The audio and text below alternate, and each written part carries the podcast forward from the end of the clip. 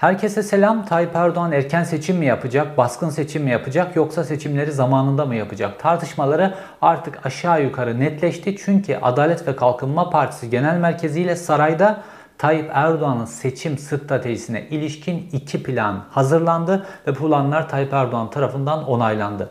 Bu planlardan bir tanesi kazanmak üzerine kurulu. Hem Cumhurbaşkanlığını hem de mecliste çoğunluğu kazanmak üzerine kurulu bir plan ve bu planda Adalet ve Kalkınma Partisi ve Erdoğan çok ileri gidecek, çok ileri boyutta şeyler yapacaklar. Bunlar Türkiye'nin zararına olacak şeyler ama sonuçta Erdoğan'a ve AKP'ye yarayacak şeyler. İkinci plan ise kaybetmek üzerine kurulu kaybedersek ne yapacağız üzerine kurulu ve bu planda da kaybettikten sonra çok kısa süre içerisinde iktidarı tekrar ele almakla ilgili bazı hamleler, bazı stratejiler geliştirmiş durumda. Bu iki planda aslında son derece tehlikeli detaylar içeriyor. Bu iki planın bütün detaylarıyla yine bilgi dolu, yine dop dolu bir videoyla karşınızdayım.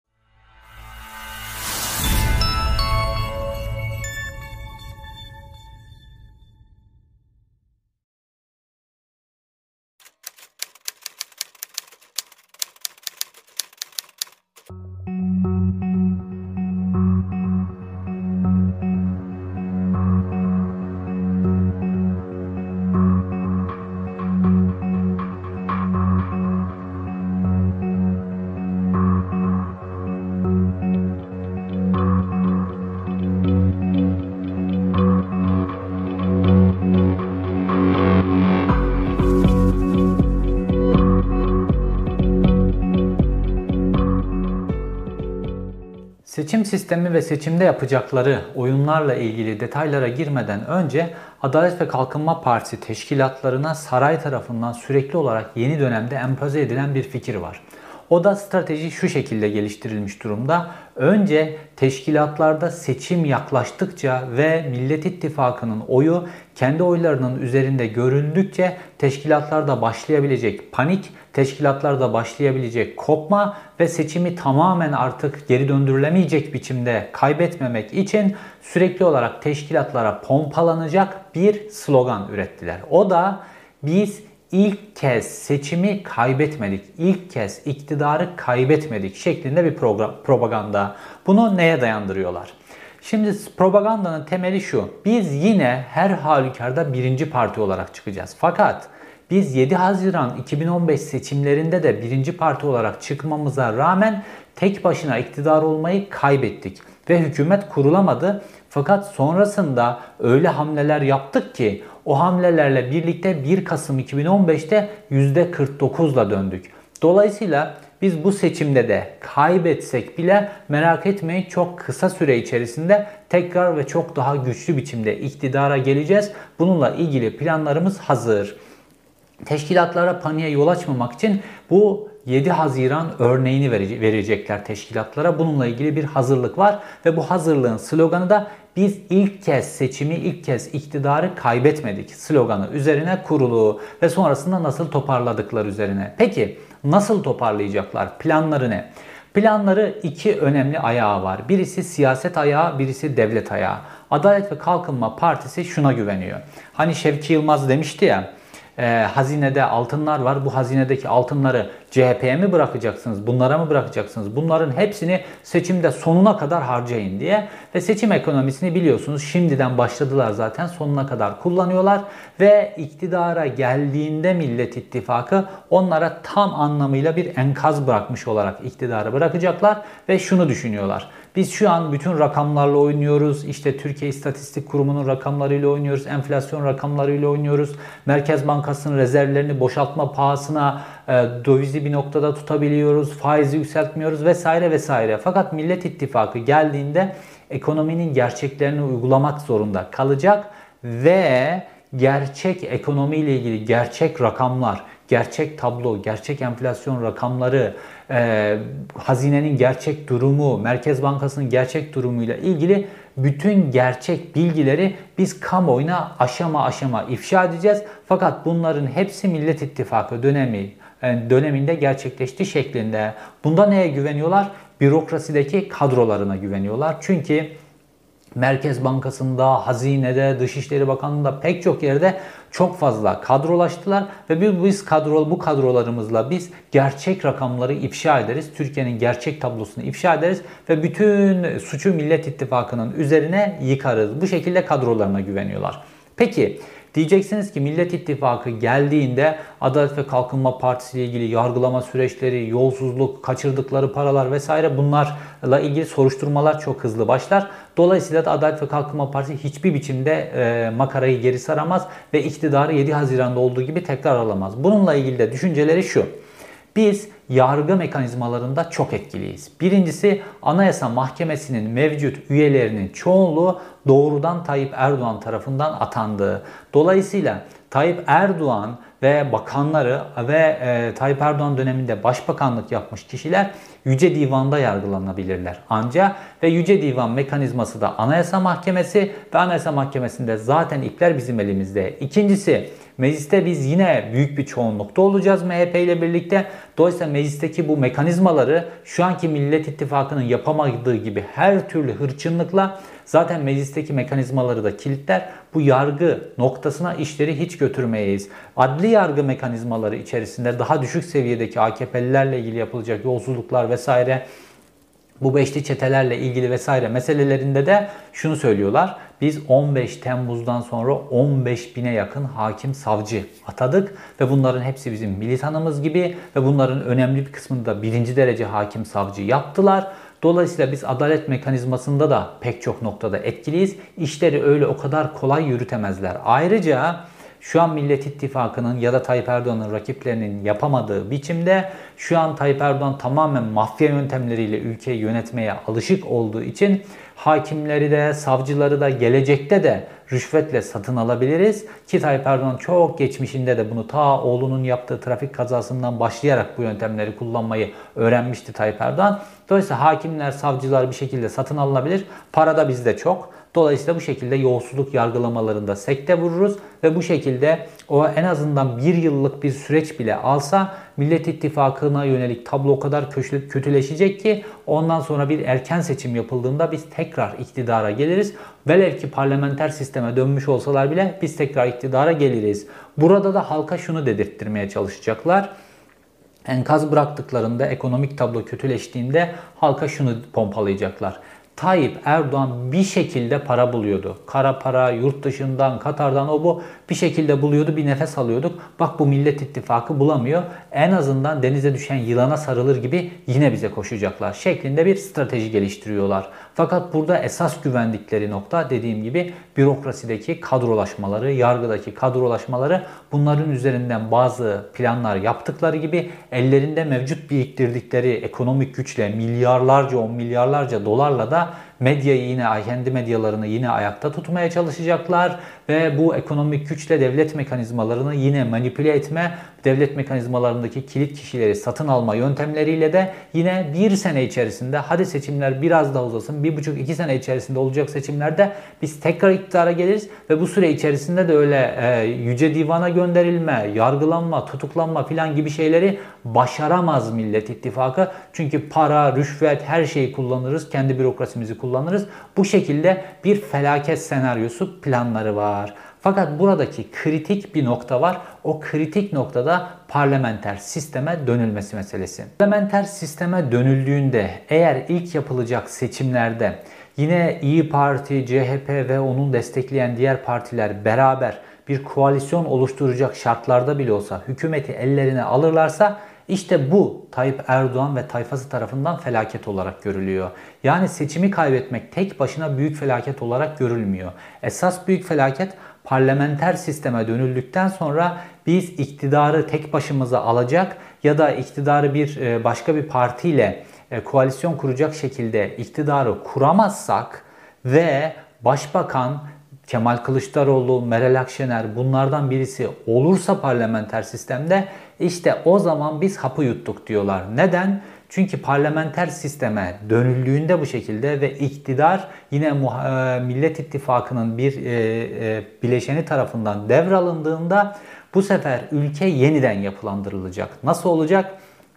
İşte Cumhurbaşkanlığı sistemine bu ucube sisteme geçildiğinde Tayyip Erdoğan'ın yaptığı gibi Yargıtay, Danıştay üyeleri, Yargıtay'ın Danıştay'ın yapısı yeniden değiştirilecek. Yargıtay, Danıştay üyeleri yeniden belirlenecek. Anayasa Mahkemesi'nin yapısı yeniden oluşturulacak. Anayasa Mahkemesi'nin üyeleri belki yeniden belirlenecek ve Tayyip Erdoğan'ın bu diplomasızlığı nedeniyle Tayyip Erdoğan'ın imzalarının geçersiz sayılması ile ilgili bir süreç işletilecek. Orada bürokraside başka yerlerdeki pek çok noktalardaki değişim gerçekleştirecek. İşte bu değişimler gerçekleştirildiğinde Tayyip Erdoğan ve e, tayfası biz esas işte o zaman hapı yutarız diyorlar. Yani başkanlık seçimlerini kaybetmeyi tamamen kendileri için öldük, bittik, sonumuz geldi şeklinde düşünmüyorlar. Bu sistem içerisinde yine mücadele edeceklerini düşünüyorlar az önce saydığım yöntemlerle.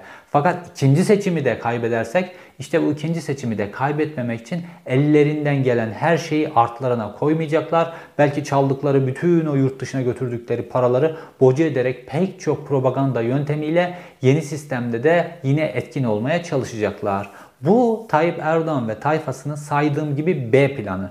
Yani Cumhurbaşkanı seçimini kaybedersek ve parlamentodaki çoğunluğu da kaybedersek yapacakları şeylerle ilgili B planları. Bunu yapabilirler mi? 7 Haziran seçimlerinde aslında bunu yaptıklarını gördük bir biçimde. Tayyip Erdoğan tek başına iktidarı kaybetti. Bir koalisyon kurulabilirdi ve Ahmet Davutoğlu da başbakandı. Fakat o koalisyon kurulmadı çünkü Ahmet Davutoğlu'nun da partisine gücü yetmiyordu. Tayyip Erdoğan hala gölge genel başkan gibi hatta gerçek genel başkan gibi davranıyordu. Hatta Cumhurbaşkanı olmasına rağmen Adalet ve Kalkınma Partisi Genel Başkanlığı e, binasına arka kapıdan girip genel başkan katında genel başkan koltuğuna oturuyordu Tayyip Erdoğan.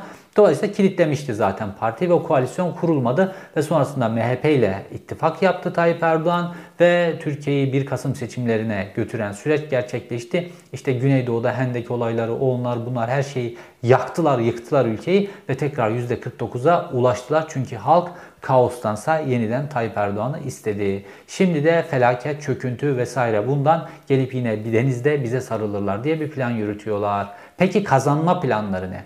Esas A planları işte bu A planını yani tekrar kazanmak için her şeyi yapacaklar. Şimdi bu yapacakları her şeyin tek tek detaylarına gireceğim. Bu ana e, meclise sevk ettikleri seçim sistemindeki hileler ve bunun üzerine kurmayı düşündükleri şeyler de bu A planının içerisinde mevcut. Sarayda analizi yapılan birinci nokta şu, biz artık vaatlerle bir seçim kazanamayız. Çünkü vaatlerin dibine vurdular bütün bu 20 yıl boyunca.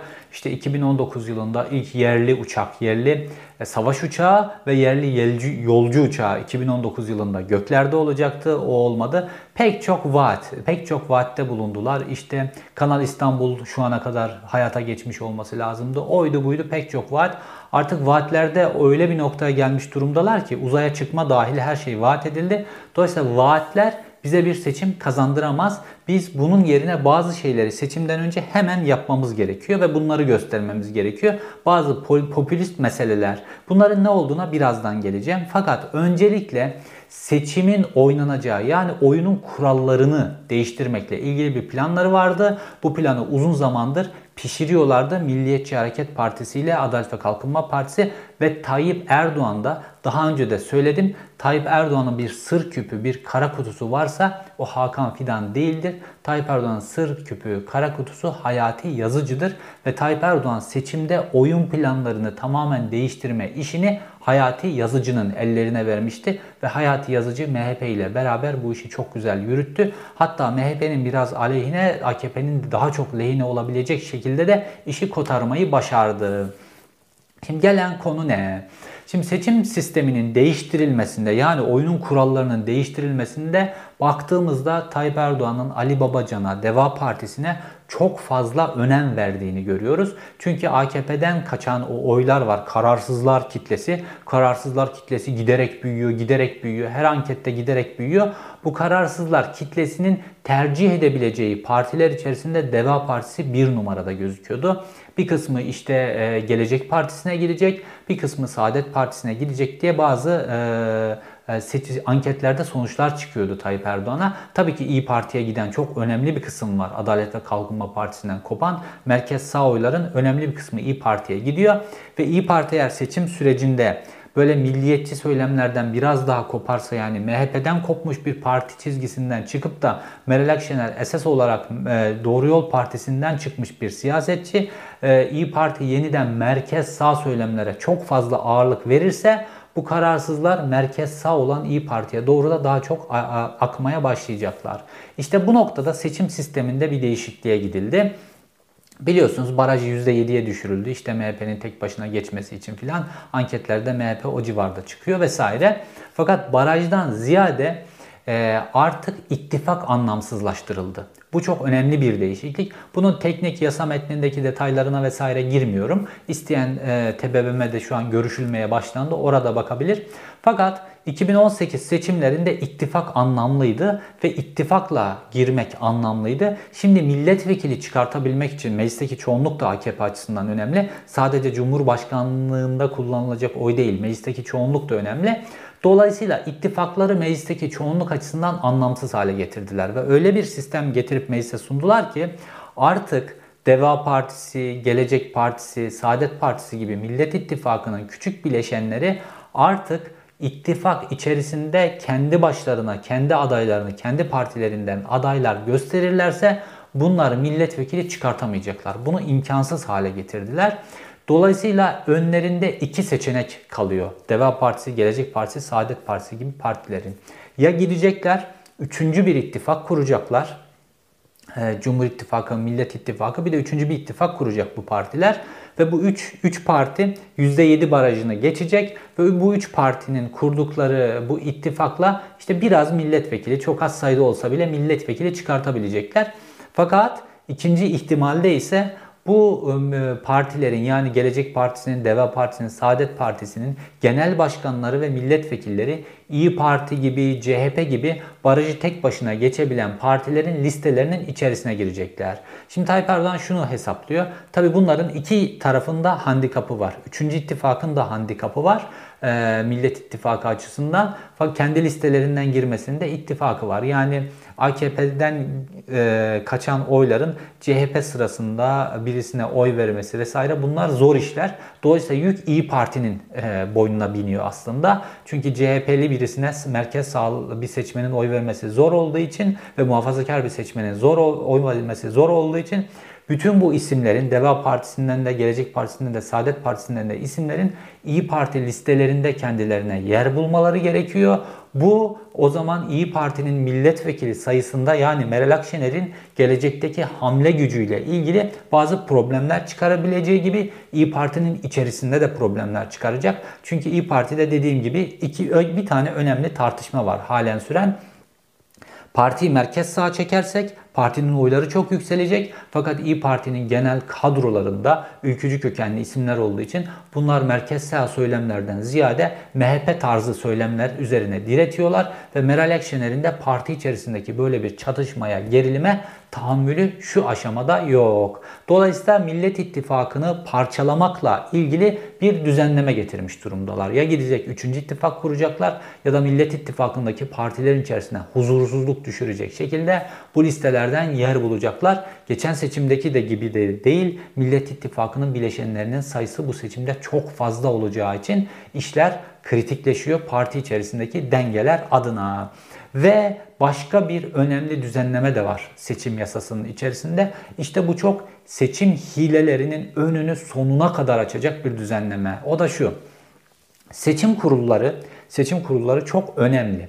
Her ilde seçim kurulu oluşturuluyor seçimden önce ve 1950 yılından beri bu şöyledir. Bir ilde, bir ilçedeki en kıdemli işte hakim, yargıç kimse o seçim kurulu başkanı oluyor. Bu şekilde en kıdemlilerden oluşan seçim kurulları oluşturuluyordu.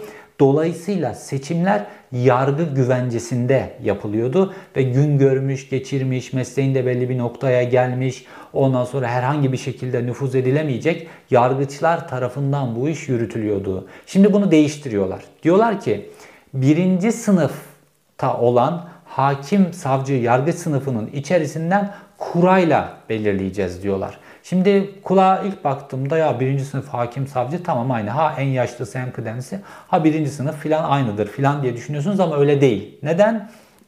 Çünkü videonun başında söylediğim gibi bu süreçte 15 bine yakın e, Adalet Bakanlığı'na hakim savcı sınıfına adam pompaladılar 15 Temmuz'dan sonra ve bunların çoğu Adalet ve Kalkınma Partili avukatlardı. Ve bu avukatlar yargıç sınıfına geçtiklerinde şöyle de bir düzenleme yaptılar.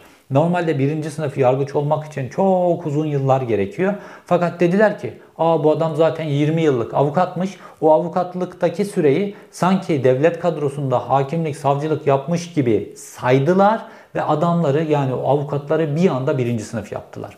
Dolayısıyla AKP'nin birinci sınıf yargıçlar arasında çok fazla adamı var. Ve bu kuralların nasıl çekileceği, ne olacağı filan, muhalefetin bunları ne kadar doğru düzgün takip edebileceği vesaire bunların hepsi muamma. Dolayısıyla seçim kurullarını bu şekilde kendi adamlarından oluşturduklarında seçim hilelerinin önü artık çok açılmış oluyor. Çünkü eskiden seçim kurullarını iyi tutmak e, muhalefet açısından seçimde hile yapılmaması için yeterli bir seviyede bir önlemdi. Fakat şimdi artık muhalefetin üstüne öyle bir yük biniyor ki seçim sandıklarından başlayarak o oyun sevki, seçim kuruluna gelişi ve seçim kurulunun içerisindeki sayım var ya o sayım bile artık çok kritik bir noktaya geliyor ve seçim kurulunda tutanaklara geçirilmesi aşamasına kadar her aşama e, ilçelerden illere bildirim vesaire bunların her aşamasını muhalefet çok sıkı takip etmek zorunda. Burada bir zorluk daha getirdiler. Normalde sandık müşahitleri vesaire biliyorsunuz işte bir partinin orada sandık müşahidi yoksa ittifaklar çerçevesinde diğer partiden kullanıyor. Mesela Deva Partisi'nin çok fazla sandık müşahidi ya da Gelecek Partisi'nin her yerde bulamayabilir. Onun yerine işte İyi Partili bir ismi, CHP'li bir ismi kendi e, sandık müşahidi gibi gösterebilirdi. Dolayısıyla e, Millet İttifakı'nın bileşenlerinden birkaç kişi e, sandık müşahidi olarak orada bulunabiliyordu. Şimdi bunu zorluk getirdiler. Bununla ilgili bir sürü evrak şartı getirdiler. Bu evrak şartlarının tamamlanması vesaire bunlarla ilgili zorluklar olacak. Dolayısıyla orada bir boşluk oluşacak. Bu boşluğu da değerlendirecekler. Bu seçimde yapacakları hileyle ilgili altyapı. Seçimi yargı güvencesinden çıkartıyorlar. Seçimi AKP'li yargıçların avuçlarının içerisine bırakıyorlar. Ama bu tersine döndürülebilir. Nasıl tersine döndürülebilir? Eğer Millet İttifakı'nın muhalefetin sandık müşahitleri, e, muhalefetin gönüllüleri, her bir seçmen gidip sandıktaki bütün o süreçleri takip edebilme hakkına sahip. Bu çok sıkı yapılırsa ve her yerde çok sıkı yapılırsa bu işi gerçekleştiremezler. Fakat her yerde çok sıkı yapılamamasıyla ilgili de Tayyip Erdoğan'ın bir planı var ki bu son derece dehşet bir plan. Burada devreye Tayyip Erdoğan'ın HDP planı giriyor. Biliyorsunuz HDP ile ilgili bir kapatma davası açtılar fakat onu buzdolabına koyup bekletmiş vaziyetteler. HDP ne zaman kapatılacak? Tayyip Erdoğan için tam doğru zamanda kapatılacak ve bununla ilgili de yeni meclise sevk edilen işte bu seçim yasasında bazı düzenlemeler öngörülüyor. Tabi meclis aşamasında sürpriz olarak komisyona getirecekleri, meclise getirecekleri filan neler olacak bunları henüz bilmiyoruz. Fakat burada yapmaya planladıkları düzenleme meclisteki e, milletvekili seçim listeleriyle ilgili bir düzenleme söz konusu. Şimdi normalde listeler açıklandıktan sonra o partinin bir başına bir iş gelse, parti seçime katılmaktan vazgeçse, başka bir şey olsa vesaire milletvekili e, seçim listelerindeki o kişiler listeler kesinleşmeden başka bir partiden, başka bir partinin listesinden aday olabiliyorlardı bazı kişiler. Listeler açıklandıktan sonra bazı değişikliklerle ilgili bazı opsiyonlar vardı. Bunların hepsini kaldırıyorlar. Diyorlar ki listeler açıklandıktan sonra artık o listedeki kişiler hiçbir biçimde, hiçbir yerden başka biçimde, hiçbir biçimde e, gidip aday olamazlar. Hatta küskünler genelde böyle yaparlardı. İşte kendi partisinin listesi açıklanıyor. Doğru düzgün yerini beğenmiyor ya da aday olmamış. Gidip hemen diğer partinin listesinde değişiklik önergesi değiştirilip diğer partinin listesine giriyordu. Fakat şimdi diyorlar ki listeler açıklandıktan sonra bu artık olmayacak. Yani ne yapacaklar? HDP'nin kapatılma zamanlaması her parti, bütün partiler listelerini teslim ettikten sonra yapılacak. Dolayısıyla HDP'nin o tanınmış bütün işte Güneydoğu'da, Doğu Anadolu'da tanınmış siyasetçileri oy alacak siyasetçileri parti o saatten sonra kapatıldığında işte HDP'nin de kendine göre B planı olan partiler var. Onların hiçbirisine gidip onların listesinden aday olamayacaklar. Dolayısıyla HDP tanınmayan kişileri o listelere koyacak. Fakat o alternatif partide yeterince bir e, ilgi çekicilik, yeterince bir oy çekiciliği olmayacağını hesaplıyorlar ve Kürtlerin bu şekilde sandıktan küseceğini düşünüyorlar. Fakat bununla sınırlı da değil. Bunu yaptıktan sonra kendilerine doğru oyları çekebilmek için planladıkları bir e, dehşet planı işte diyebileceğim bir plan var. O da Doğu ve Güneydoğu Anadolu bölgesinde yeniden OHAL ilan etmeyi düşünüyorlar. Şimdi ülkeye baktığımızda Mehmet Ağarlar döndü vesaire. Baktığımızda bütün şartlar 1990'lara döndük. Artık 1990'ların Türkiye'si gibi şartlar var. İnsan hakları alanında, demokrasi alanında vesaire. İşte burada da 90'lı yıllarda olduğu gibi bir OHAL sistemi getirmeyi planlıyorlar. Sadece Doğu ve Güneydoğu Anadolu bölgesinde. Neden? İşte HDP kapatılacak. HDP kapatılmaya gidene kadar bazı olaylar planlanıyor. Ondan sonra biliyorsunuz Güneydoğu'dan geçen gün bir tane e, polis yakalandı. E, 56 kilo e, patlayıcıyla polis e, Hakkari'den İstanbul'a patlayıcı taşıyor. Bu patlayıcılar ne zaman, ne için kullanılacak vesaire bu belli zaten. Bu şekilde bu polisin işte arkasındaki bağlantılar vesaire bunların açığa çıkartılması lazım ama kim çıkaracak? Yakalanması da yanlışlık da. Normalde bu patlayıcı vesaire bunların takip işleri, temin, organizenin işleri. Fakat narkotiğin ayağına dolandı. Narkotik şube yakaladı yanlışlıkla. Dolayısıyla ortaya çıkmış oldu bu hadise. Dolayısıyla gerilim yükseltildikten ve HDP kapatıldıktan sonra Doğu ve Güneydoğu Anadolu bölgesinde bir OHAL ilan etmeyi planlıyorlar. Fakat bu OHAL ilan etmedeki esas amaçları sandıklarla ilgili mesele. OHAL ilan ettikten sonra meclisin tanıdığı yetkiyle sandıkların hepsinin başına askeri dikecekler. Askeri diktikten sonra oradaki oyların artık istedikleri yere ondan sonra orada bir, bir şeyin yaptığı Süleyman Soylu'nun yaptığı bütün pazarlık Süleyman Soylu'nun ayakta kalmasının temel sebebi de bu. Jandarma Süleyman Soylu'ya bağlı. Süleyman Soylu İçişleri Bakanlığı'nda etkili. MHP ile olan MHP'de arkasında. Süleyman Soylu bu işi kopart, kotarabilecek kadar güçlü, zalim, kararlı. Dolayısıyla Süleyman Soylu oraya askerleri, jandarmaları diker ve oradaki A oyunu B oyu yapar. Dolayısıyla Güneydoğu'daki sandıklardan kitle halinde bir bakarsınız Adalet ve Kalkınma Partisi çıkar. İşte bu şekilde yönü değiştirilmiş hileli oylarla sandık başkanları da kendinden, sandığın güvenliğini sağlayacak askerler de kendinden, jandarma da kendinden, polisler de kendinden. Artık oraya diğer partilerin zaten Güneydoğu'da diğer partilerin hepsinin müşahitleri yok. Oradaki sandık güvenliğini sağlayan HDP.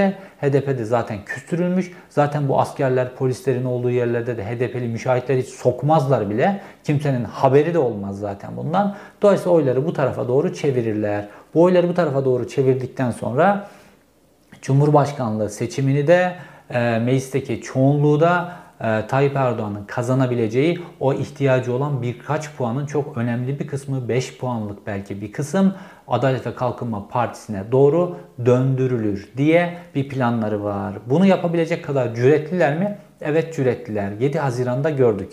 Seçimi kazanabilmek için barış e, çözüm sürecini masasını yıktı Tayyip Erdoğan. Güneydoğu'da tarihin gördüğü en yüksek şiddetli noktaya çatışmaları çıkardı. PKK da zaten buna teşneydi.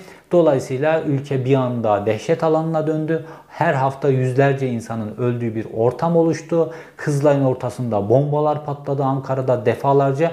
insanlar Ankaralılar Kızılay meydanından yürümeye korkar hale geldiler. O günlerdeki fotoğrafları hatırlayın. Ankara'da Kızılay gibi, Tunalı Hilmi gibi e, merkezlerde bir tane yaya göremiyordunuz kaldırımlarda. Bu kadar dehşeti yaşattı Tayyip Erdoğan bu ülkeye ve %49 oyu aldı. Dolayısıyla Güneydoğu'da tekrar Kürtlerin başına bu işleri getirmekle ilgili herhangi bir tereddüt yaşamaz. İhtiyacı olan kafatasçı kadrolar zaten Mehmet Ağar tarafından, Süleyman Soylu tarafından Tayyip Erdoğan'a sağlanmış durumda. Peki Tayyip Erdoğan'ın o müjdelerine. Şimdi dedim ya artık vaatlerle seçimi kazanamayacağız noktasında netler. Fakat bazı şeyler yapacaklar, bazı açıklamalar yapacaklar. İşte bunları yaptık diye e, kamuoyuna sunacakları açıklamalar. Şimdi gelelim bu boyuta.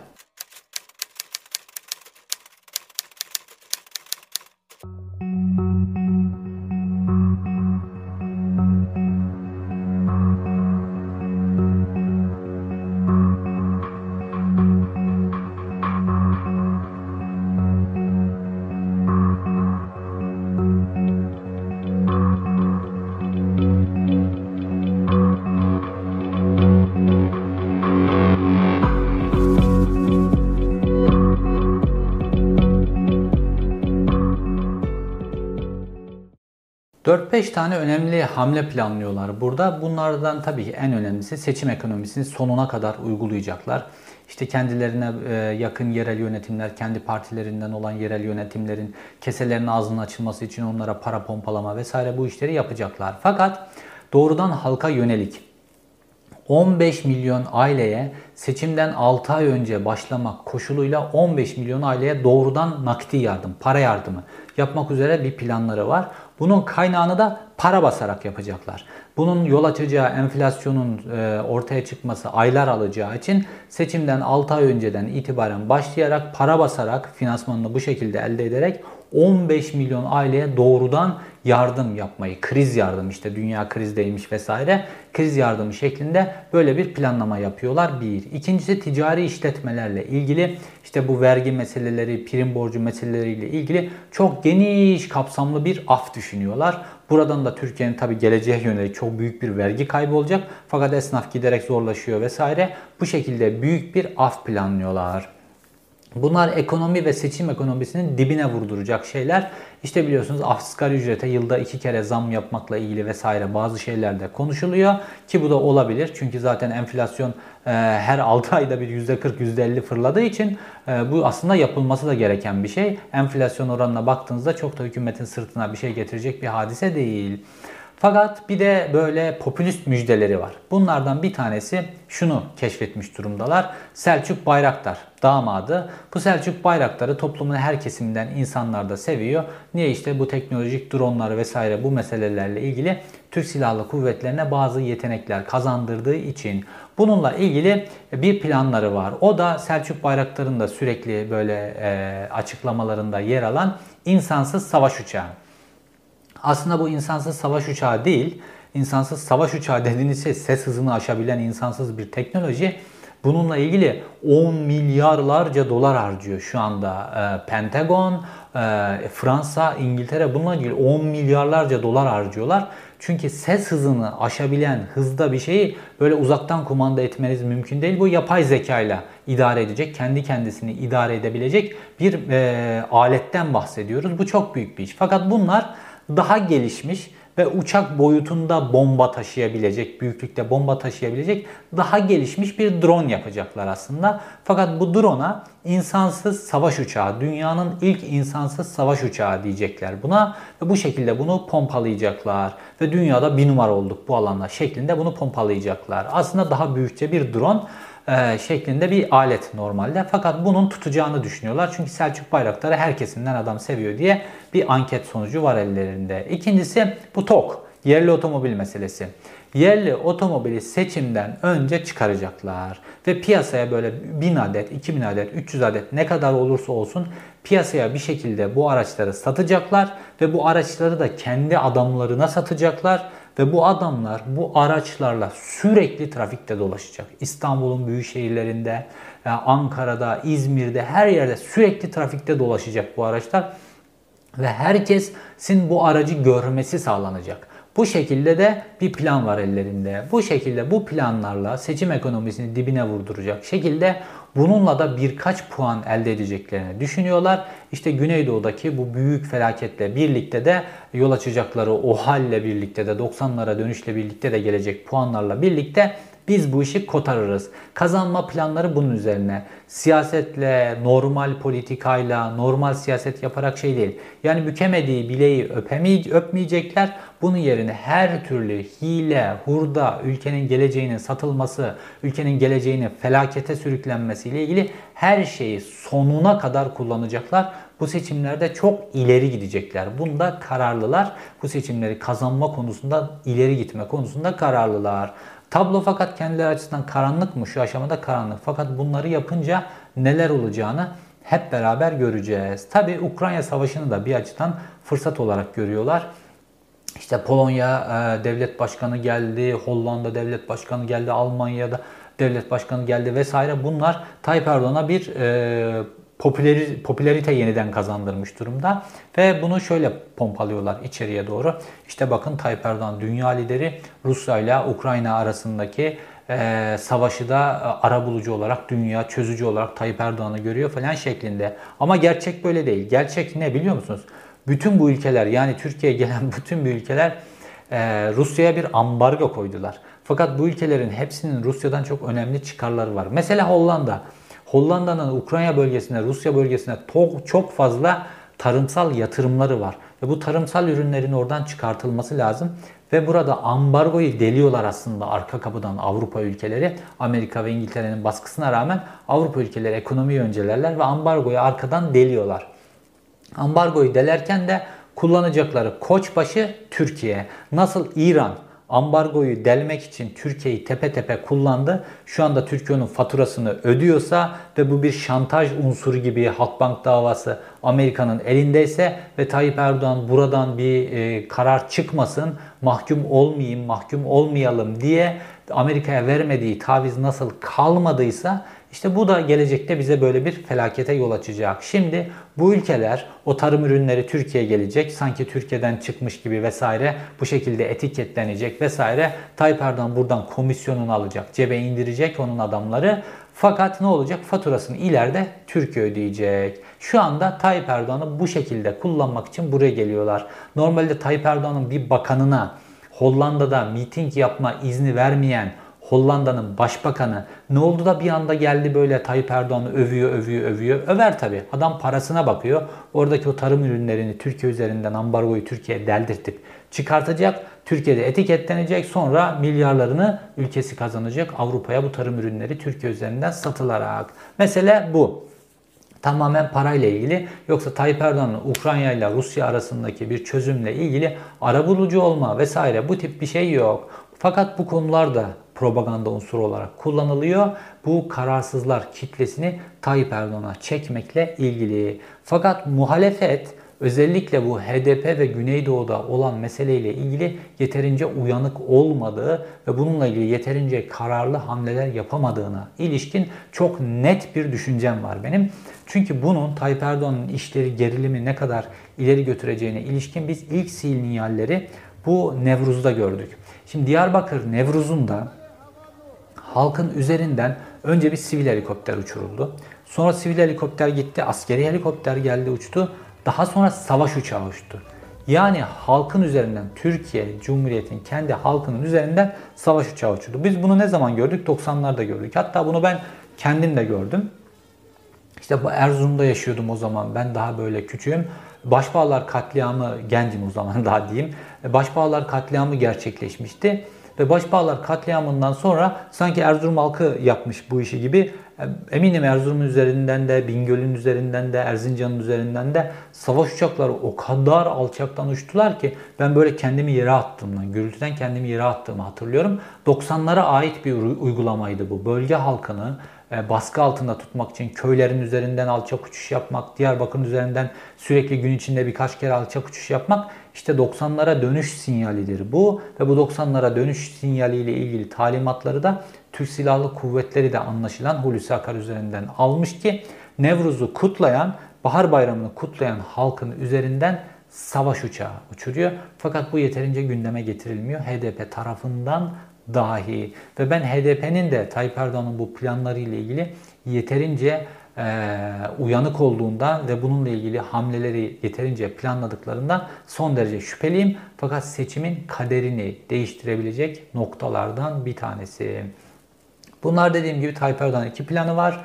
Kaybetmek ve kaybettikten sonra yapacakları ve seçimi tekrar çevirmekle ilgili planları ve e, seçimi kazanmak için sonuna kadar en ileri noktaya kadar gitmekle ilgili planları. Fakat bunların ikisinin sonunda da Türkiye'yi bekleyen şey felaket. Siyaseten kazanmak ayrı bir şey fakat ülkenin kazanması ayrı bir şey. Bu iş artık seçim olmaktan çıktı. Böyle ülkenin kaderi üzerine bir pazarlık, ülkenin kader üzerine bir oyun oynanıyor. Hepimizin kader üzerine bir oyun oynanıyor. İzlediğiniz için teşekkür ederim. Bir sonraki videoda görüşmek üzere.